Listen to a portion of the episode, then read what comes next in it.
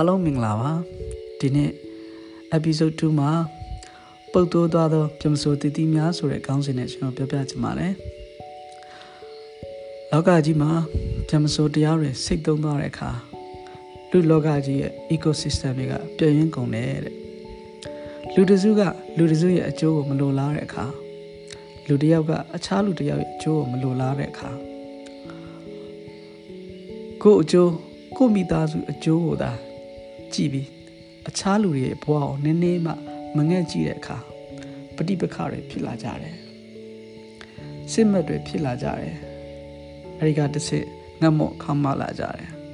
ရာသီဥတုဖောက်ပြန်ပြီးယောဂဗျာတွေထူပြောလာကြတယ်ဒီတော့လောကကြီးကပွက်လို့ညံနေတာပေါ့ဗျာဒါကဗုဒ္ဓစာပေတွေကဗြဟ္မစိုးတရားတွေစိတ်သုံးနေတဲ့လူအဖွဲ့အစည်းဟာပျက်စီးနေတဲ့ လူအဖွဲ့အစည်းကိုဥတည်နေတယ်လို့ပထမအဆုံးပြောချင်တာပါဒီနေ့ဖျက်ပြခြင်းတဲ့အကြောင်းအရာကရှာမင်းခိုက်စိုးစံရဲ့စီတဘူးဆိုတဲ့အစီလေးဖြစ်ပါတယ်လူရင်ချင်းမှုတမိုင်းမှာအစားအစာကိုကြာရှည်ခံအောင်ထုတ်လုပ်ဖန်တီးတဲ့အတတ်ပညာဟာအင်မတန်အရေးကြီးတဲ့တီထွင်မှုတရားလို့ဆိုကြပါတယ်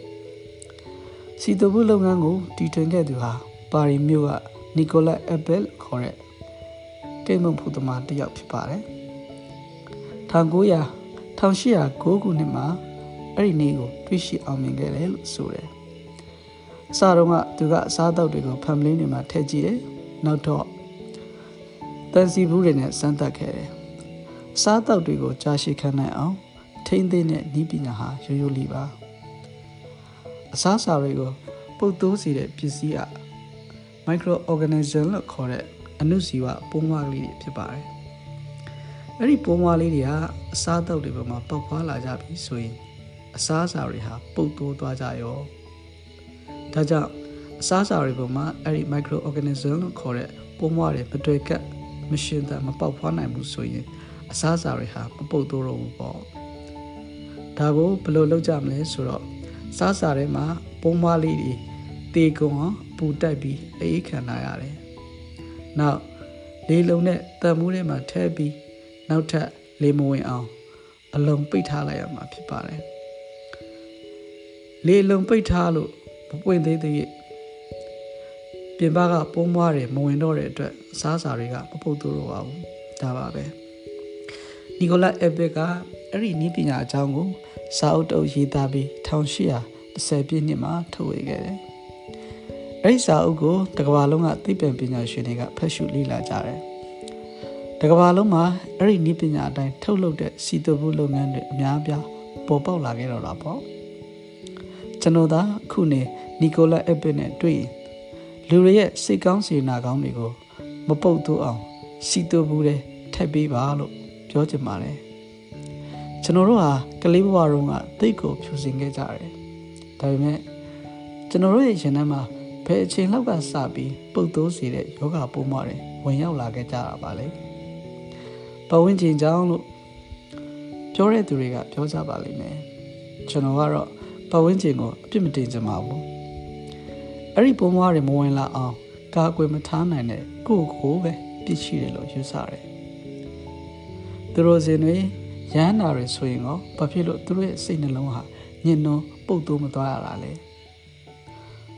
သူတို့ဟာသူတို့ရဲ့ရှင်တွေကပိုးမွားတွေကိုတေးအောင်တတ်နိုင်ခဲ့ကြပါပြီနောက်ထပ်ပြင်ပကပိုးမွားတွေဝင်မလာအောင်လဲလုံခြုံတဲ့တီလာနဲ့ကာယံထားနိုင်ခဲ့ကြပါပြီကျွန်တော်တို့ကတော့တောကပိုးမွားတွေလောဘဒေါသပိုးမွားတွေဖိတ်ခုံနေတဲ့ကိုယ့်ကိုဒုက္ခပေးမဲ့ပိုးမွားတွေကိုကိုယ့်ဘာသာကိုမွေးမြူနေတဲ့အစားအသောက်တွေပဲမဟုတ်လားဒီပုံစံနဲ့တော့ကျွန်တော်တို့ဟာတန်မိုးရှိတဲ့မတိုးထမင်းမတိုးဟင် ဖြစ်နိုင်မှာမဟုတ်ပါဘူးကျွန်တော်တို့ဟာ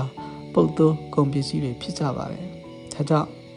လောကကြီးကကျွန်တော်တို့ကိုအမိုက်ပုံမှာတွန်ပစ်လိုက်ဘယ်လိုလုပ်မလဲလို့ကျွန်တော်တွေးနေမိပါတယ်ဒီအဆက်လေးကိုဖတ်မိတဲ့အခါမှာကျွန်တော်အရန်ကြိုက်တဲ့ကြပြာလေးတစ်ပုဒ်မှာအသက်ရှူကျက်နေတဲ့ငါတို့ကဘာမြေကြီးမှာငါးကလေးတစ်ကောင်ရဖို့အတွက်ဘယ်တော့မှတီမတူးနဲ့ညီလေးတဲ့တဲ့တဲ့ဆိုင်ဆိုင် အခုကျွန်တော်တို့ရဲ့ကဘာကြီးကတကယ်အသက်ရှူကျက်နေတဲ့အချိန်မှာလူတချို့ကအသက်ရှူမရအောင်ကုံစင်းနှုံးကိုစာပေါင်းများစွာတက်ပစ်လိုက်ကြတာတွေလူတချို့ကလူတွေရဲ့ရပိုင်ခွင့်ကိုပိတ်ပင်ပစ်လိုက်ကြတာတွေဟာတကယ်ကိုလူမဆန်ရရောက်ပါတယ်ကျွန်တော်တို့ရဲ့ကိုချင်းစာစိတ်ဒီထက်ပုတ်တူးသွားရင်ကျွန်တော်တို့ရဲ့ပြမစိုးတရား ဒီထက်စိတ်သုံးသွားရင်သိကြပါတယ်